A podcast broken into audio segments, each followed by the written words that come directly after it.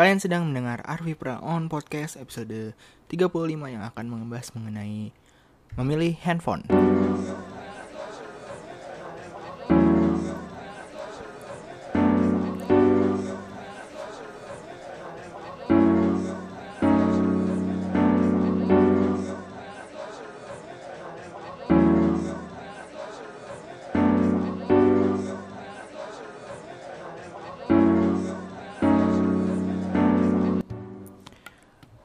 Apa kabar semuanya? Eh, semoga apa minggu ini kalian mendapatkan apa ya? Apaan sih lu, Vi? Sosok doa doa. Ya, oke.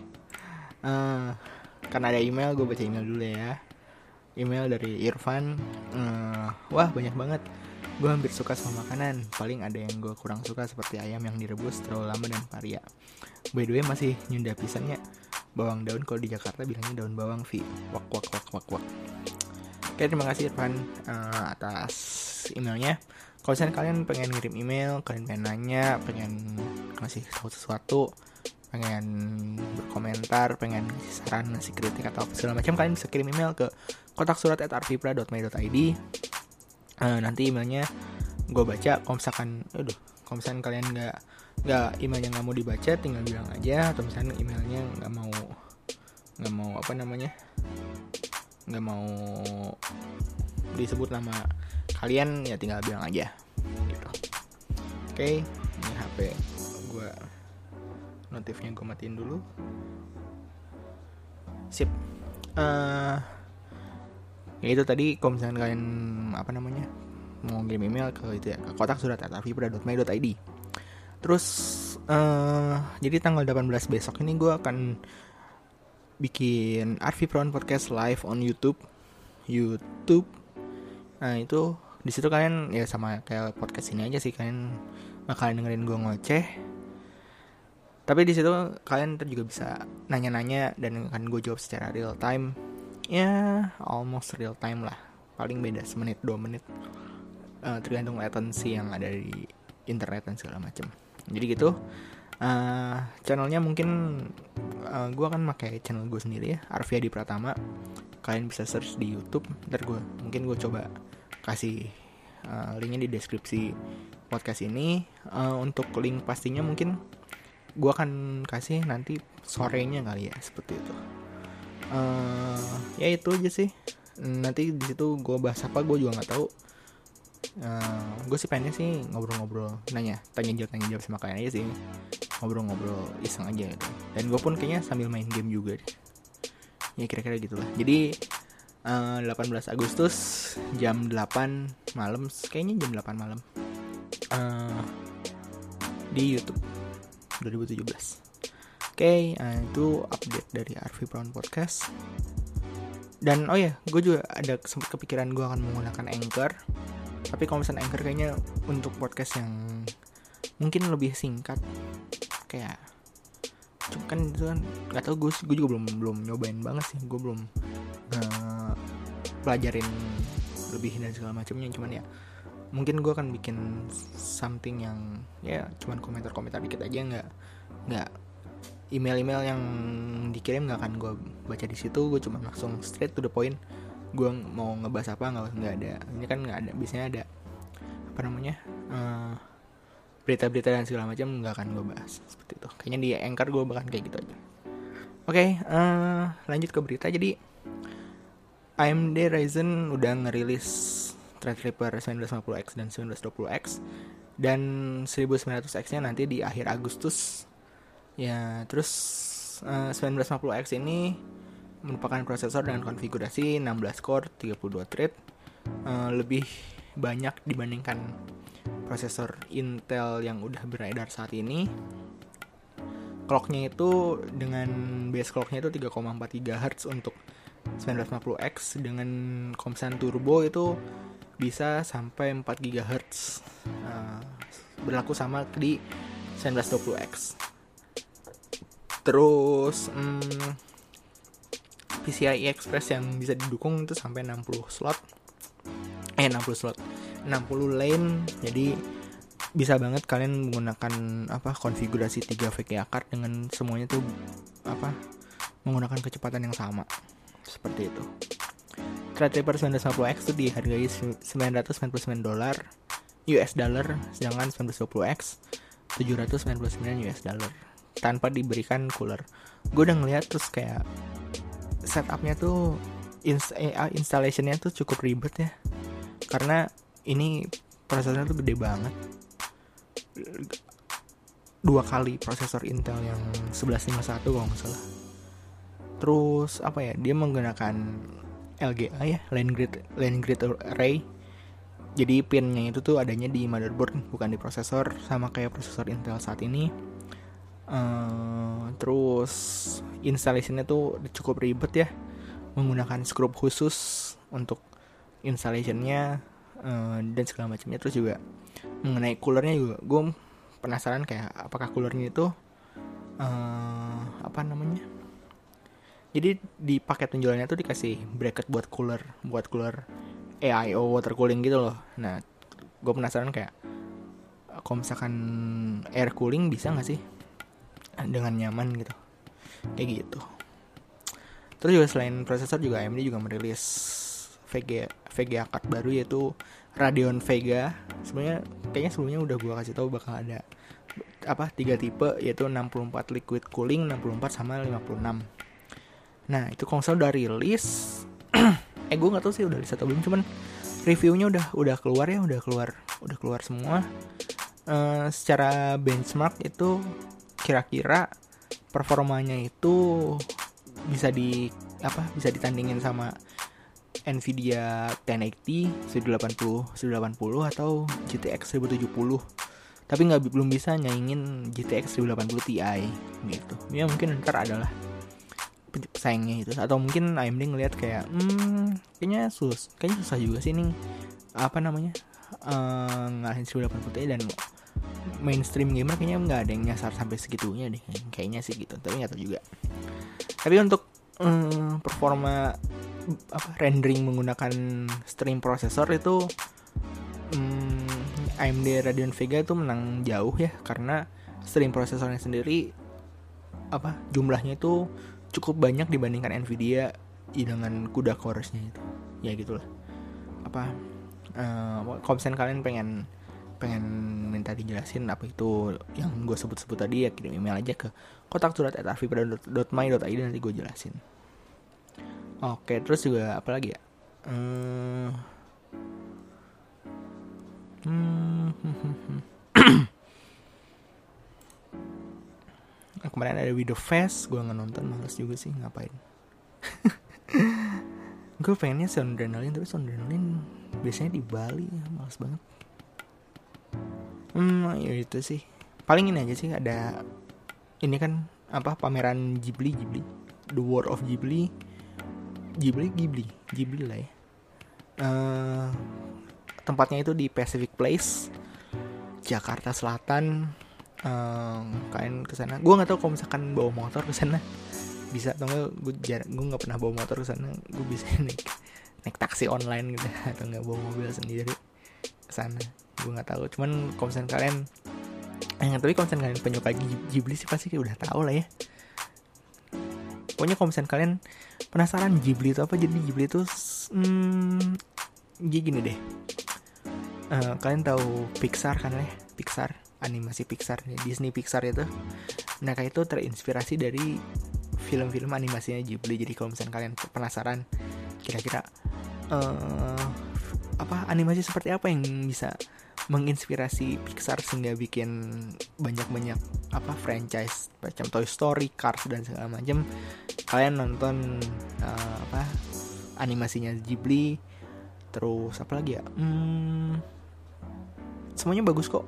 Gue uh, gue nonton yang pasti yang umum sih biasanya Totoro, uh, My Neighbor My Neighbor Totoro, terus ada Spirit Away, uh, terus Princess Mononoke uh, apa? Apalagi ya? Ya itulah banyak kalian nonton. Uh, dan itu indah di mata walaupun jadul ya tapi dari segi warna gue suka banget. Terus juga ceritanya juga nggak biasa tapi enak banget di apa diikutin.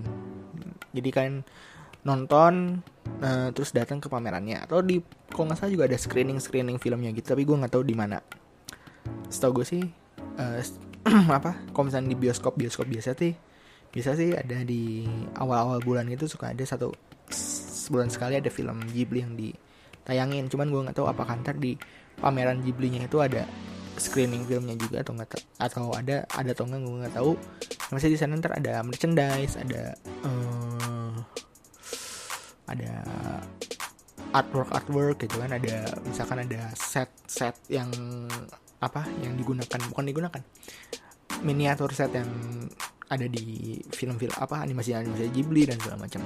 Kalian bisa datang sana ajakin teman-teman kalian uh, foto-foto di sana apa mumpung apa namanya mumpung Jakarta termasuk kota yang uh, apa didatangin sama World of Ghibli pamerannya gitu kalau nggak salah tuh ada ada exhibition exhibitionnya sendiri deh. Ya gue nggak tahu. Gue juga belum ke sana sih. Belum sempet. Ya mungkin weekend ini kali ya.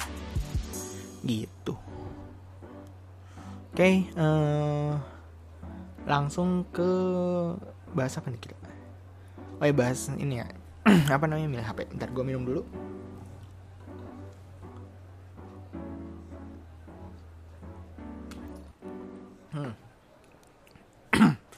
jadi sekarang kan lagi musim liburan terus kayak mau masuk mau masuk sekolah dan segala macam kan biasanya kalau misalkan awal masuk sekolah kan uh, apa beli sepatu baru beli seragam baru dan segala macam. Dan mungkin HP baru juga udah mungkin udah udah masuk ke ranah situ udah ranah yang harus diperbaharui perbaharui gitu kan. Jadi di sini gue ngasih uh, apa cara gue memilih HP baru yang harus dibeli apa namanya versi Arvidi Pratama Arvidi Pratama ya versi Arvidi Brown Podcast.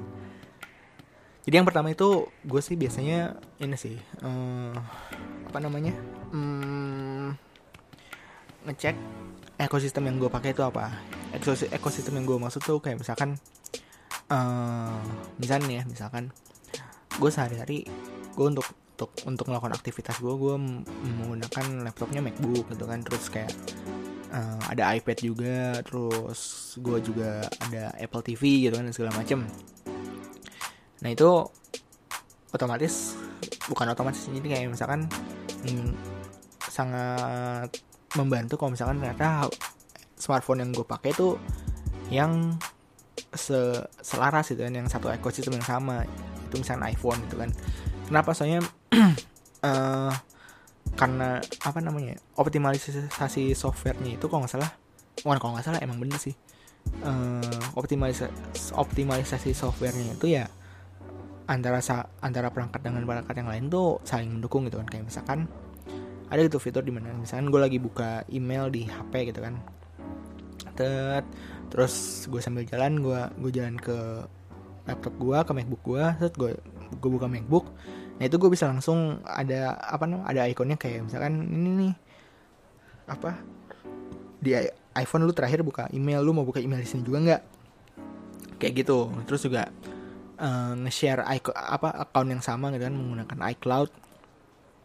Di mana di situ juga ada storage ada mail ada notes ada kontak dan segala macam. Jadi uh, kontak lu tuh ada di laptop juga ada di apa namanya ada di iPad juga ada di smartphone juga tetap ada gitu dan segala jadi kayak kalau misalnya lu misalnya nanya ada yang nanya gitu kan eh nomor sini berapa? Lu tapi lu nggak megang HP dan malas megang HP tapi lu di depan laptop gitu. Jadi lu bisa nyari di laptop aja gitu nggak usah buka HP seperti itu. Jadi ya kemudahan untuk apa beraktivitas karena perangkatnya saling mendukung itu kan lumayan membantu buat gua gitu kan kayak gitu.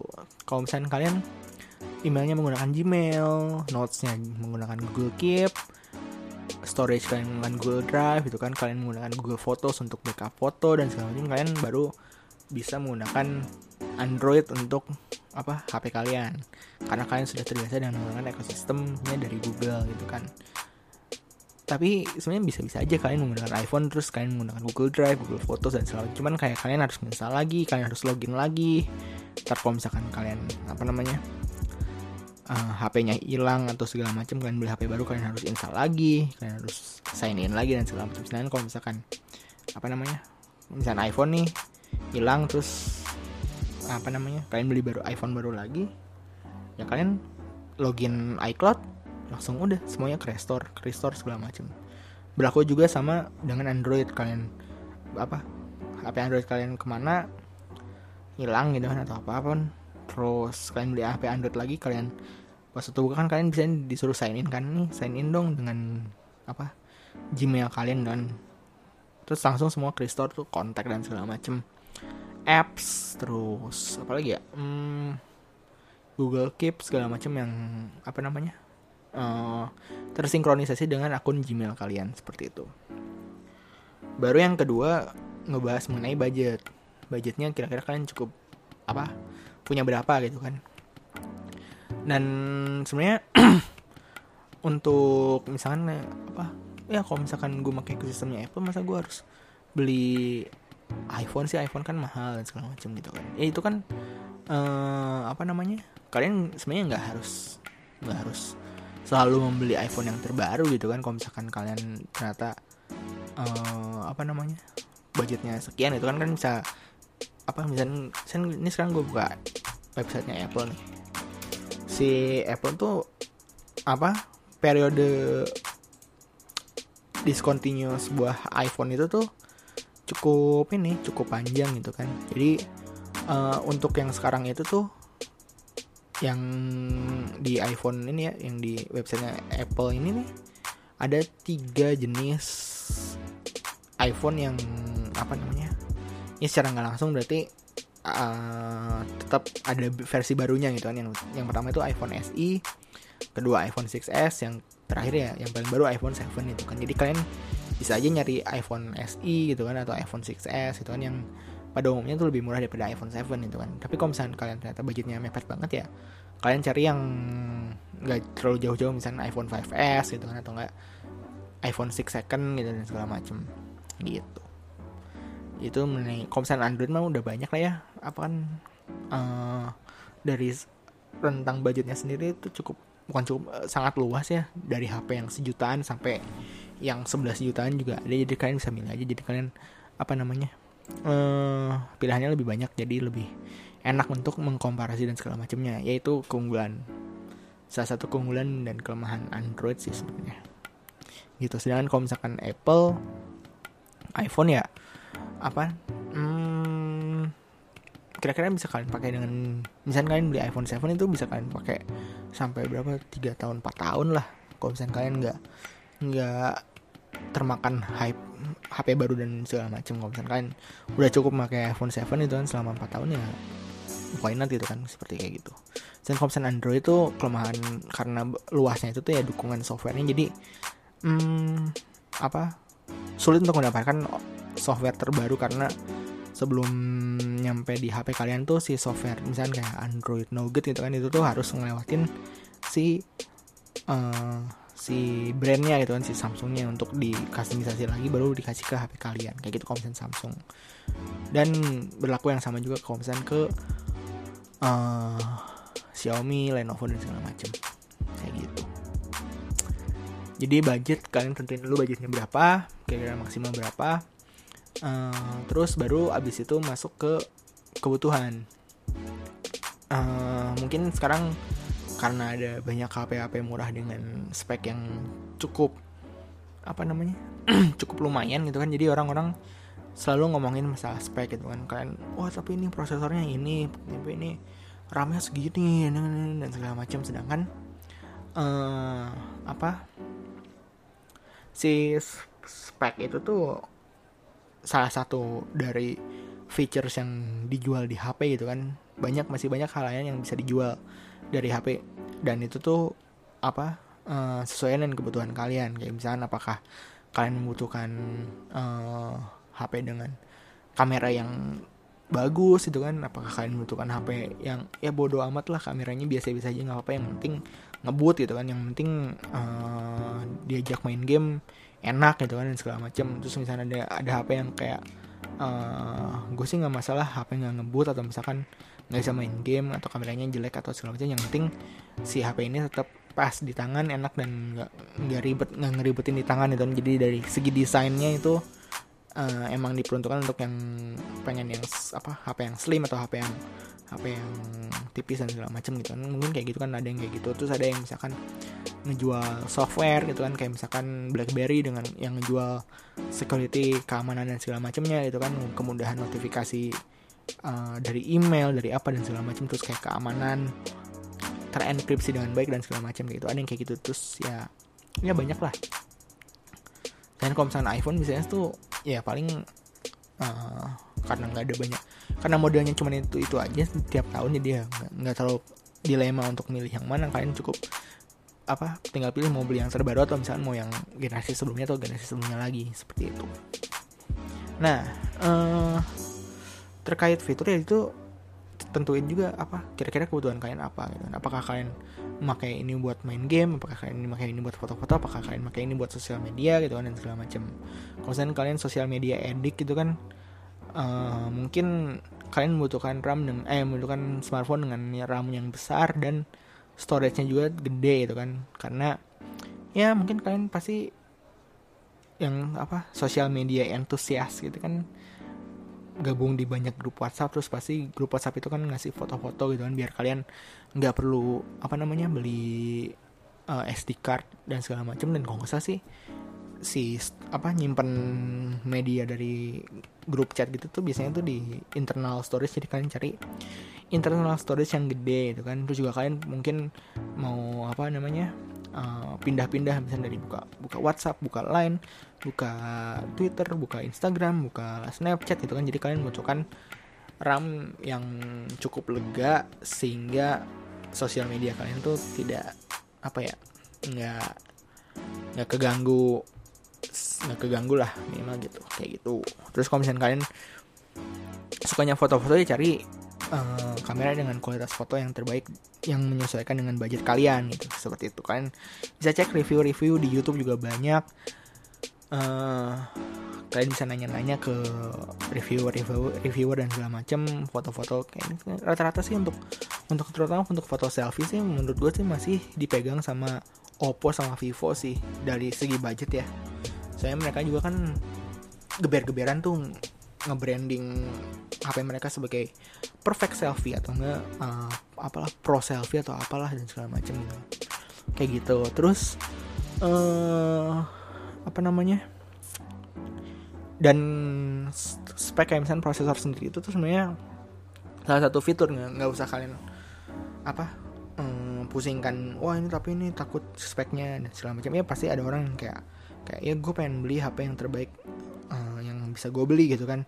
Cuman ya masalahnya untuk budget yang terbatas itu tuh ya pasti ada ada ada apa uh, apa sih namanya uh, bukan konsekuensi apa ya uh, ah, anjir lupa lagi. Pokoknya ada ada ada yang harus kalian kom ah, kompromi ya. Kalian harus kompromi dengan beberapa hal yang lain. Kayak misalkan oke okay, uh, spek speknya tinggi tapi misalkan kameranya biasa aja. Terus uh, softwarenya juga biasa aja gitu kan. Kalian tidak terlalu dimudahkan oleh softwarenya dan segala macam. Kalian tidak terlalu dimudahkan oleh UI-nya dan segala macam ya. Tapi secara spek tuh tinggi dan segala macam. Ya ada yang kayak gitu. Kayak gitu loh. Jadi ya apa namanya jangan kalau misalnya kalian ingin yang terbaik ya, ya beli ya flagship flagshipnya gitu. Kayak misalkan Samsung S8 Note terus Xiaomi ya beli yang Mi gitu kan. Uh, eh, LG beli v, seri G G6 atau enggak V seri V nya V30 V20 kayak gitu.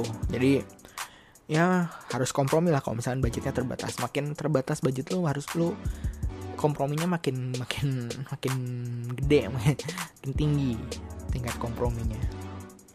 Terus apa lagi ya? HP terus oh ya kalau misalkan biasanya sih orang-orang orang-orang lihat dukungan aksesoris dan segala macam macam casing kabel charger uh, apa headphone terus apa lagi ya? Uh, anti gores dan segala macam gitu kan. Kalau misalkan kalian nggak uh, mau ribet ya cari HP-HP yang sejuta umat aja gitu kan. HP yang sejuta umat ya berarti aksesorisnya pasti dijual gitu kan. HP yang sejuta umat tuh kayak misalkan hmm, Xiaomi Xiaomian sekarang udah masuk ke HP sejuta umat. Terus Oppo Vivo udah masuk HP sejuta umat gitu kan. Samsung ya lumayan HP sejuta umat gitu kan. iPhone juga sebenarnya sejuta umat juga gitu kan. Kayak kalau misalnya kalian nyarinya yang kayak misalkan brand OnePlus itu kan OnePlus OnePlus yang terbaru itu apa sih? OnePlus 5 ya? OnePlus 5 dan OnePlus 3T OnePlus 3 gitu kan. Atau misalnya Nexus kayak misalnya Nexus 5 Nexus atau Google Pixel gitu kan ya. Kalian harus kompromi mengenai keadaan aksesorisnya. Mungkin nggak bisa dijual kayak misalnya di toko-toko gitu. Kalian harus beli online atau mahan mungkin harus pesan di luar negeri seperti itu. Gitu. Untuk aksesoris kalian juga mungkin harus mempertimbangkan kira-kira ada nggak nih yang menjual aksesoris HP gua dan segala macam takutnya takutnya takutnya gitu kan. Kayak misalkan apa butuh anti gores butuh tempered tempered glass butuh case butuh segala macam kalian bisa langsung cepet nyari bisa bisa langsung nyari sendiri dan ya mix and match kan. Yang, yang suka yang mana kalian bisa langsung beli seperti itu. Terus aduh ini minum dulu bentar ya. Nah anjir nih belum 30 menit aja udah capek belum makan sih ya. Jadi curhat. Terus apa lagi ya? Kira-kira beli HP tuh kan nyarinya apa lagi sih?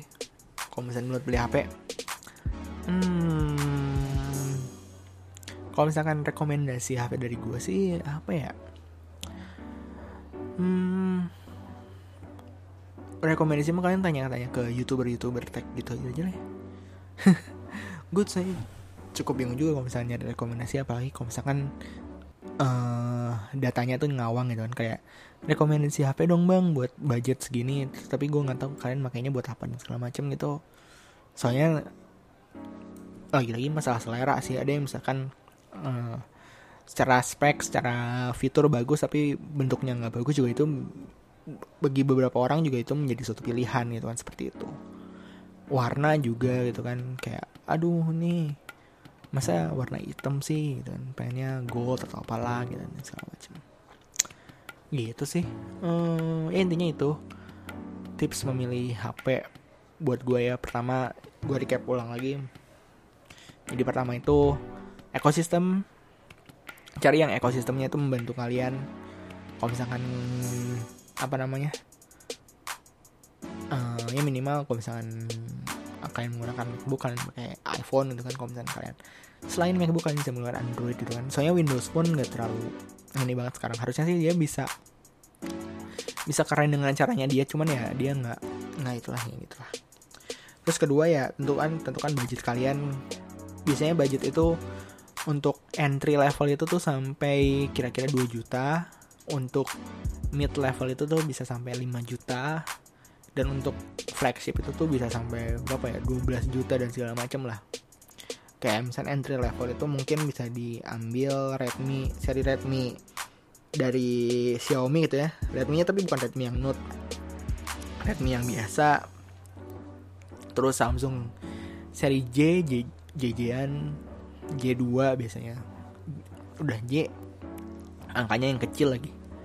Ya gitu. Baru kalau misalkan yang mid itu mungkin bisa ambil uh, Samsung seri J5 atau misalnya Samsung seri A gitu kan kalau misalnya kalian punya budget lebih gitu kan kalau misalnya uh, Asus itu kalian bisa mendapatkan Zenfone yang speknya lebih bagus daripada yang versi versi Max atau versi Go gitu kalau nggak salah. Biasanya sih gitu. Biasanya Max sama Go nya itu tuh uh, apa namanya dibuat untuk harganya tuh nggak nggak dibikin gede-gede banget. Harganya tuh uh, di bawah pak apa peringkat paling bawah mid mid mid end tapi masih di atas low end gitu. Jadi kayak misalnya kalau go tuh ya yang murahnya lah. Kalau max itu biasanya speknya biasa-biasa tapi baterainya kayak go tapi baterainya lebih tinggi. Seperti itu.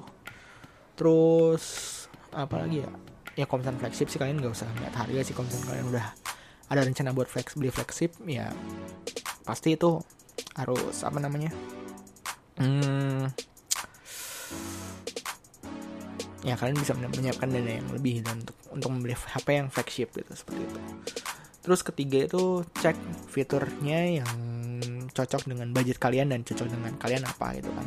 Cari komparasi dan segala macam kalian bisa tanya-tanya kalau misalnya udah punya. Yang penting kalian tahu dulu kalian mau pakai HP yang mana pilihannya yang mana A dari segala banyak HP kalian ambil tiga atau empat baru kalian bisa tanya-tanya mendingan A B C atau D gitu. Itu sangat membantu untuk apa namanya para apa namanya misalnya kalian tanya ke gue kalian ya itu kan nyiapin empat empat pilihan ntar baru gue kasih komparasinya dan segala macam kayak gitu.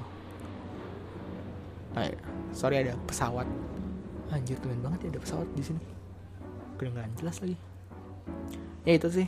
Nah terus kalau misalkan untuk gue pribadi kalau gue pribadi sih gue mengi apa selalu kalau misalkan gue update HP itu ya pasti harus yang di atas HP gue sebelumnya. Kayak misalkan hmm, terutama di zaman yang apa orang-orang udah mulai melek spek kayak sekarang ya. Kayak misalkan dulu gue sempat pakai Android uh, LG P500 Optimus One RAM 512 eh ya RAM 512 uh, prosesor juga nggak tahu apa uh, layarnya lebih kecil gitu kan kameranya juga cuma berapa megapiksel.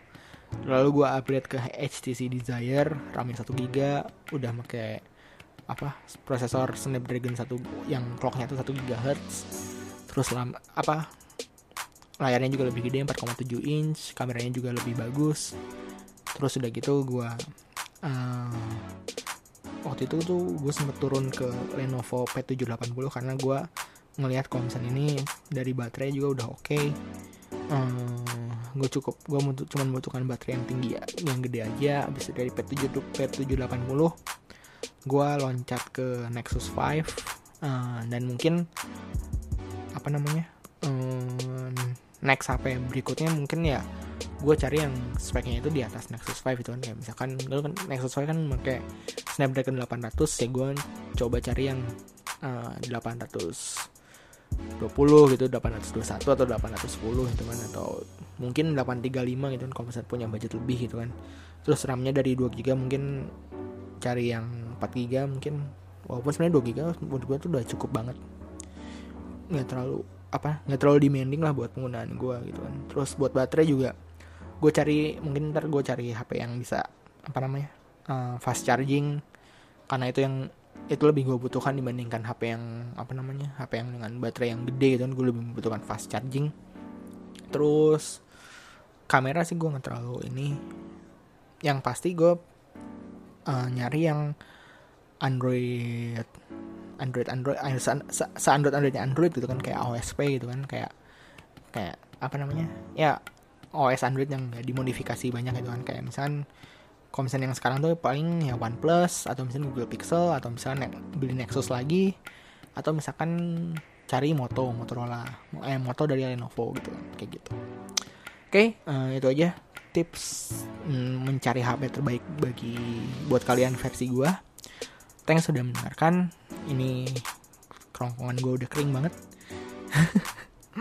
Uh, kalau misalnya ada apa-apa kan bisa kirim email ke kotak surat at jangan lupa nanti tanggal hari Jumat besok gue akan mengadakan live streaming di YouTube Arvi Prawan Podcast Live.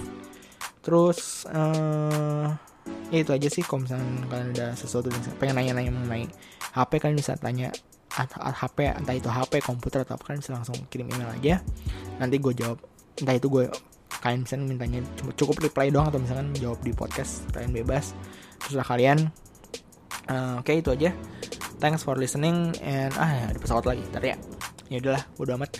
Thanks for listening. Uh, see you on next next Friday obviously. Uh, temukan passion kalian dan jadi yang terbaik. Dah